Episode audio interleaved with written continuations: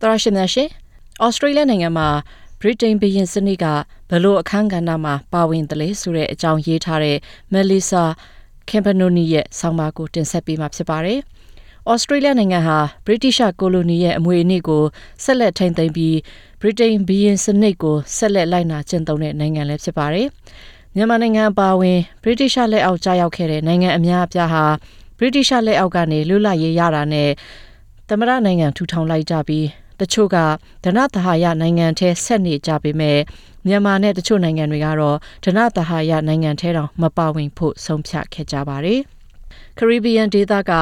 Barbados နိုင်ငံကတော့2021ခုနှစ်နိုဝင်ဘာလကျမှပဲသမရနိုင်ငံအဖြစ်ပြောင်းဖို့နောက်ဆုံးဆုံးဖြတ်ခဲ့တဲ့နိုင်ငံဖြစ်ပါတယ်။အခုဆိုရင်ဒုတိယမြောက် Elizabeth ဘုရင်မနာရွာဆန်ပြီးတဲ့နောက်ဒီနေ့ခေတ်ဩစတြေးလျမှာ ဗြိတိန်ဘုရင်စနစ်ရဲ့အခန်းကဏ္ဍကဘလို့ရှိနိုင်မလဲဆိုတာကိုမေးခွန်းထုတ်နေကြပါတယ်။ကင်ဘရာမြို့ကဩစတြေးလျဒီမိုကရေစီပြတ်တက်ရဲ့သူတေသီ Campbell Rhodes ကအခုလိုရှင်းပြထားပါတယ်။ Australia was founded as a colony of Great Britain, and so it has borrowed or adapted many British traditions, including in the government. Australia နိုင်ငံဟာ Britain ရဲ့ကိုလိုနီနယ်တစ်ခုအနေနဲ့ဖြစ်တည်လာတဲ့နိုင်ငံဖြစ်တဲ့အတွက်ဗြိတိန်ရဲ့ရိုးရာယဉ်ကျေးမှုအများအပြားကိုအတူယူထားပြီးအဲ့ဒီအထဲမှာအစိုးရစနစ်လည်းပါဝင်တယ်လို့ဘယင်စနစ်လည်းပါဝင်ပါတယ်။အဲ့ဒါကြောင့်ဗြိတိန်ရဲ့ဘယင်မသို့မဟုတ်ဘယင်ဟာဩစတြေးလျနိုင်ငံရဲ့ထိပ်သီးခေါင်းဆောင်ဖြစ်ပါတယ်။ဘယင်မအဲလစ်ဇဘက်ဟာဗြိတိန်အပြင်ဒနသဟာယနိုင်ငံ14ခုရဲ့ထိပ်သီးခေါင်းဆောင်လည်းဖြစ်ပါတယ်။ဘယင်မနာရွယ်ဆောင်ပြီးတဲ့နောက်အခုဆိုရင်သားကြီးဖြစ်သူမင်းသား Charles ကဘယင်ဖြစ်လာပြီးတတိယမြောက် Charles ဘယင်လို့ခေါ်ဝေါ်ကြပါတယ်။ဒနသဟာယနိုင်ငံတွေရဲ့ထိပ်သီးခေါင်းဆောင်ဟာဗြိတိန်ဘယင်ဖြစ်ပေမဲ့အဲ့ဒီနိုင်ငံတွေအားလုံးဟာသူတို့ရဲ့ကိုယ်ပိုင်အစိုးရအသီးသီးဆိုင်ရာဥပဒေအသီးသီးနဲ့တည်တံ့လူလစွာအုပ်ချုပ်ခွင့်ရကြပါတယ်။ဩစတြေးလျနိုင်ငံရဲ့အစိုးရနဲ့အချုပ်အခြာအာဏာကိုဖွဲ့စည်းအုပ်ချုပ်ပုံအခြေခံဥပဒေနဲ့ထိန်းချုပ်ဖော်ပြထားတာဖြစ်တယ်လို့ Australian Republic Movement ARM ရဲ့ Director Sandy Beer ကရှင်းပြထားပါတယ် Australia has a written constitution and it's a law that governs all other laws. And the most senior person in that constitution is the Queen or King of the United Kingdom. And that person is called our head of state. And because our head of state Australia မှာရေးဆွဲထားတဲ့ဖွဲ့စည်းအုပ်ချုပ်ပုံအခြေခံဥပဒေရှိပြီးအဲ့ဒီဥပဒေဟာနိုင်ငံရဲ့ဥပဒေအားလုံးကိုအုပ်စိုးထားပါတယ်။ဖွဲ့စည်းအုပ်ချုပ်ဖို့အခြေခံဥပဒေရဲ့ထိပ်သီးခေါင်းဆောင်ကတော့ ဗြိတိန်ရဲ့ဘရင်သို့မဟုတ်ဘရင်မဖြစ်ပါတယ်။အဲ့ဒီလူကိုနိုင်ငံအုပ်ဆောင် head of state လို့လည်းခေါ်နိုင်ပါတယ်။ဒါပေမဲ့အဲ့ဒီနိုင်ငံတော်အကြီးအကဲဖြစ်တဲ့ဘရင်ကဩစတြေးလျနိုင်ငံမှာမရှိတဲ့အတွက်ဘရင်ရဲ့ကိုယ်စားလှယ်ကိုခန့်အပ်ပါတယ်။ဘရင်ရဲ့ကိုယ်စားလှယ်ကို Governor General ဘရင်ခံချုပ်ခေါ်တယ်လို့ရှင်းပြထားပါတယ်။အဲ့ဒီတော့အခုဆိုရင်တတိယမြောက် Charles ဘုရင်ဟာဩစတြေးလျနိုင်ငံရဲ့နိုင်ငံတော်အကြီးအကဲဖြစ်ပါတယ်။ အဲ့ဒီတော့ဩစတြေးလျနိုင်ငံကိုဖွဲ့စည်းအုပ်ချုပ်ပုံနဲ့ဖွဲ့စည်းထားတဲ့ဘုရင်စနစ်နိုင်ငံလို့အကြမ်းဖျင်းဘာသာပြန်နိုင်မဲ့ constitutional monarchy လို့ခေါ်ဆိုနိုင်တဲ့အကြောင်း La Trobe တက္ကသိုလ်ကအငိမ့်စားပါမောက္ခ Judith Brett ကပြောပါတယ်။ The head of state is in a sense a ceremonial position. They don't have executive power. Whereas it's the head of the government that has the executive power. So there's a division between ဒီနေရာမှာနိုင်ငံတော်အကြီးအကဲကအခမ်းအနားတွေအတွက်သာတည်ရှိပေးတဲ့သဘောပါပဲ။သူတို့မှာအချုပ်အခြာအာဏာအပြည့်အဝမရှိပါဘူး။ဒီနိုင်ငံမှာရွေးကောက်တင်မြှောက်ခံရတဲ့အစိုးရမှသာအာဏာအပြည့်အဝရှိပါတယ်။ဒါကြောင့်နိုင်ငံတော်အကြီးအကဲဖြစ်တဲ့ဘရင်ဆိုတာနိုင်ငံတော်စီးလုံးညီညွတ်ရေးအတွက်တည်ရှိတယ်လို့ဖြစ်ပြီးအစိုးရကိုဦးဆောင်တဲ့ဝန်ကြီးချုပ်ရာထူးအတွက်ကြတော့ ပြိုင်ဆိုင်ပြီးမှလှုပ်ဆောင်ကြရတာဖြစ်တယ်လို့ပြောပါတယ်။ Australia နိုင်ငံမှာ Governor General လို့ခေါ်တဲ့ဘရင်ခံချုပ်ကကင်ဘရာမြို့မှာနေပြီးတော့ဘရင်ကိုကိုစားပြုသလိုပြည်내တိုင်းရဲ့မြို့တော်တွေမှာလည်းဘရင်ခံတွေကိုစီရှိကြပါတယ်။ Britain ဘရင်ဟာဩစတြေးလျနိုင်ငံရဲ့နိုင်ငံတော်ခေါင်းဆောင်ဆိုပေမဲ့ဩစတြေးလျနိုင်ငံရဲ့နေ့စဉ်လက်ပတ်မှုမှာဓာတ်ရိုက်ပါဝင်မှုမလုပ်သလို ဩစတြေးလျနိုင်ငံရဲ့လူမှုရေးစီးပွားရေးနဲ့အစိုးရအပေါ်မှာလည်းလွှမ်းမိုးမှုမရှိတော့ဘူးလို့ Campbell Rhodes ကပြောပါတယ် but does take an interest and is very well briefed on Australian matters. It's very much as an advisor and a ဒါပေမဲ့ confidant ဗြိတိန်ဘုရင်မ advisor. ဟာဩစတြေးလျနိုင်ငံကိုစိတ်ဝင်စားမှုရှိသလိုဩစတြေးလျနိုင်ငံအကြောင်းကိုလည်းအတော်လေးကိုသိထားသူဖြစ်ပါတယ်။ ဒီနေ့ခေတ်မှာတော့ဘုရင်မကအကြံပေးသူအဖြစ်ဒါမှမဟုတ်ဩစတြေးလျဝန်ကြီးချုပ်အတွက်တိုင်ပင်စရာလူအဖြစ်သာရှိနေပေးပြီးဓာတ်ရိုက်လွှမ်းမိုးမှုလုပ်တာမျိုးမရှိဘူးလို့ရှင်းပြထားပါတယ်။ဩစတြေးလျနိုင်ငံရဲ့ဘရင်ခံချုပ်ကို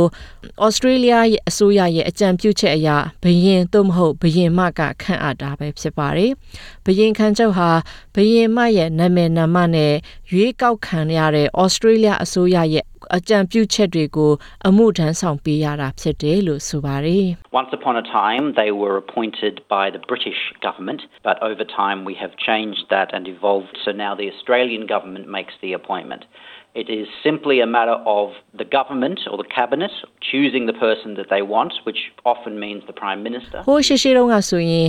ဘရင်ခံချုပ်တွေကိုဗြိတိန်အစိုးရကဓာတ်ရိုက်ခန့်အပ်တာဖြစ်ပါတယ်။ဒါပေမဲ့အချိန်တွေကြာလာတဲ့အခါမှာအပြောင်းအလဲတွေဖြစ်ပြီးတော့အခုဆိုရင်ဩစတြေးလျအစိုးရကဘရင်ခံချုပ်ကိုရွေးချယ်တာဖြစ်ပါတယ်။အစိုးရဒါမှမဟုတ်ဝန်ကြီးအဖွဲ့ဒါမှမဟုတ်အများအပြည့် ဝန်ကြီးချုပ်ကနေဘသူကိုဘရင်ခံချုပ်အဖြစ်ရွေးချယ်မလဲဆိုတာကိုဆုံးဖြတ်ပြီးတဲ့အခါမှာဘရင်မကဩစတြေးလျအစိုးရကရွေးချယ်ထားတဲ့ရွေးချယ်မှုကိုအတည်ပြုပေးတာမျိုးဖြစ်ပါတယ်။ဘရင်ခံချုပ်ရဲ့တက်တန်းက9နှစ်ခန့်ကြာမြင့်တက်ပေမဲ့အများအားဖြင့်တော့ဒီထက်မကခန့်အပ်ခံရလိမ့်ရှိတယ်လို့ပြောပါတယ်။ဗြိတိန်ဘရင်နဲ့ဘရင်မတွေလိုပဲဘရင်ခံချုပ်ဟာလည်း ဩစတြေးလျအစိုးရရဲ့နေ့စဉ်လုပ်ငန်းမှာဝင်ရောက်ဆွတ်ဖက်မှုမလုပ်ဘူးလို့ဆန်ဒီဘီယကပြောပါတယ်။ They do have important responsibilities. Every time a law is passed by Parliament, every time we want to go to an election, it needs the representative's approval. ဒါပေမဲ့ဘရင်ခံချုပ်တွေဟာအရေးကြီးတဲ့တာဝန်တွေကိုကင်ဆောင်ထားပါတယ်။လွှတ်တော်ကဥပဒေကိုအတီးပြုတဲ့အခါတိုင်းရွေးကောက်ပွဲကျင်းပတော့မယ့်အခါတိုင်းဘရင်ခံချုပ်ရဲ့ ခွင့်ပြုချက်လိုအပ်တယ်လို့ရှင်းပြထားပါတယ်။1986ခုနှစ်တုန်းကချမှတ်တဲ့ Australian Act ဥပဒေကြောင့်ဗြိတိန်နဲ့ Australia အစိုးရတို့ဟာတီးတန့်စီအုပ်ချုပ်ခွင့်ရကြပေမဲ့ဩစတြေးလျကဗြိတိန်စနစ်ကိုဆက်လက်လက်ခံနေသေးတာဖြစ်ပါတယ်။ဘုရင်မအဲလစ်ဇဘက်လက်ထက်မှာဗြိတိရှကိုလိုနီလက်အောက်ကျရောက်တဲ့နိုင်ငံအများအပြားလွတ်လပ်ရေးရယူပြီးတော့ဗြိတိန်ဘုရင်နဲ့လည်းအဆက်တွေဖြတ်ခဲ့ကြပါတယ်။ ဘာဘဒိုစ်နိုင်ငံဟာလည်း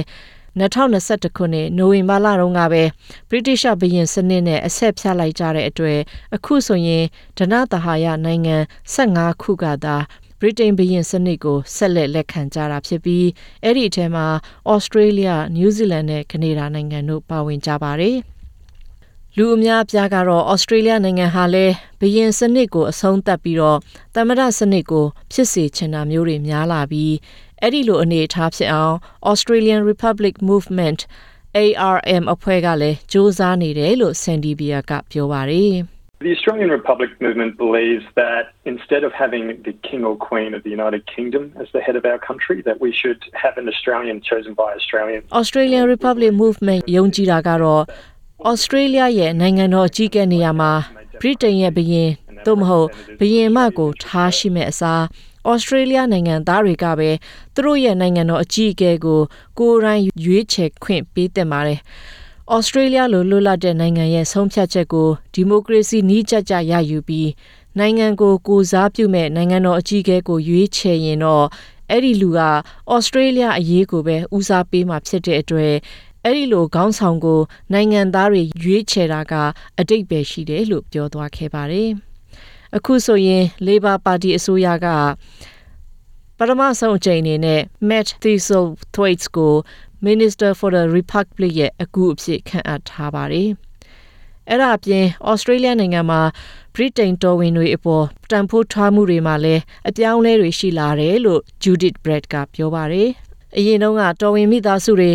ဩစတြေးလျနိုင်ငံကိုလာလည်တဲ့အခါမှာ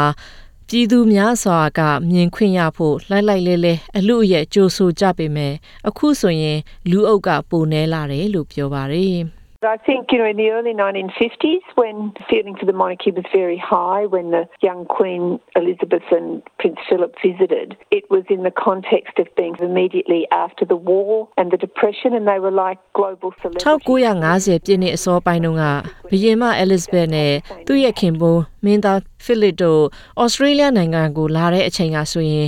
တော်ဝင်တွေအပေါ်ချစ်ခင်တဲ့ခံစားချက်တွေကအင်မတန်ကိုမြင့်မားလှပါတယ်။ အဲ့ဒီအချိန်တုန်းကကဘာစစ်ပြီးခါစပြီးတော့စီးပွားပြက်ကတ်မှုပြီးခါစအချိန်ဖြစ်ပြီးအဲ့ဒီတုန်းကသူတို့နှစ်ဦးဟာကဘာမှာအင်မတန်နာမည်ကြီးတဲ့ celebrity နှစ်ဦးဖြစ်ပါတယ်။ဒါပေမဲ့အခုဆိုရင်လေရင်တွေနဲ့မကြာခဏသွာလာလို့ရတဲ့အချိန်မျိုးမှာအရင်ကလောက်ကြိုးဆိုသူတွေမများတော့ဘူးလို့ပြောပြထားပါတယ်။အကယ်လို့ဩစတြေးလျနိုင်ငံကသာသမရနိုင်ငံဖြစ်လာမယ်ဆိုရင်တော့ဒနတာဟာယနိုင်ငံအဖြစ်ဆက်နေမလား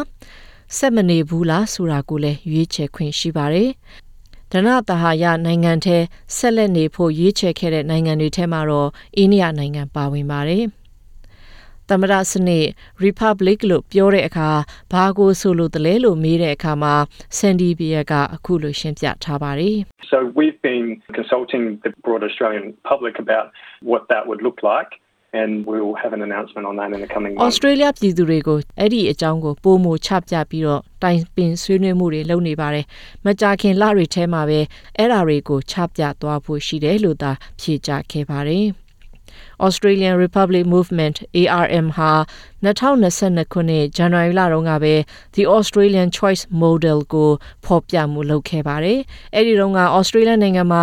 နိုင်ငံတော်အကြီးအကဲကို ဘရင်မဟုတ်ပဲပြည်သူတွေရွေးကောက်တင်မြှောက်တဲ့လူဖြစ်စေချင်ရင်တော့ဖွဲ့စည်းအုပ်ချုပ်ပုံအခြေခံဥပဒေထဲမှာဘာတွေရေးထားပြီးတော့ဘလို့လှုပ်ဆောင်မှဖြစ်နိုင်မယ်ဆိုတဲ့အကြောင်းတွေကိုဖော်ပြထားတဲ့အကြောင်းရေးထားတဲ့ Melissa Campanoni ရဲ့ဆောင်းပါးကိုတင်ဆက်လိုက်ပါရရှင်။ကျမကမူလှိုင်းသိမ့်ပါ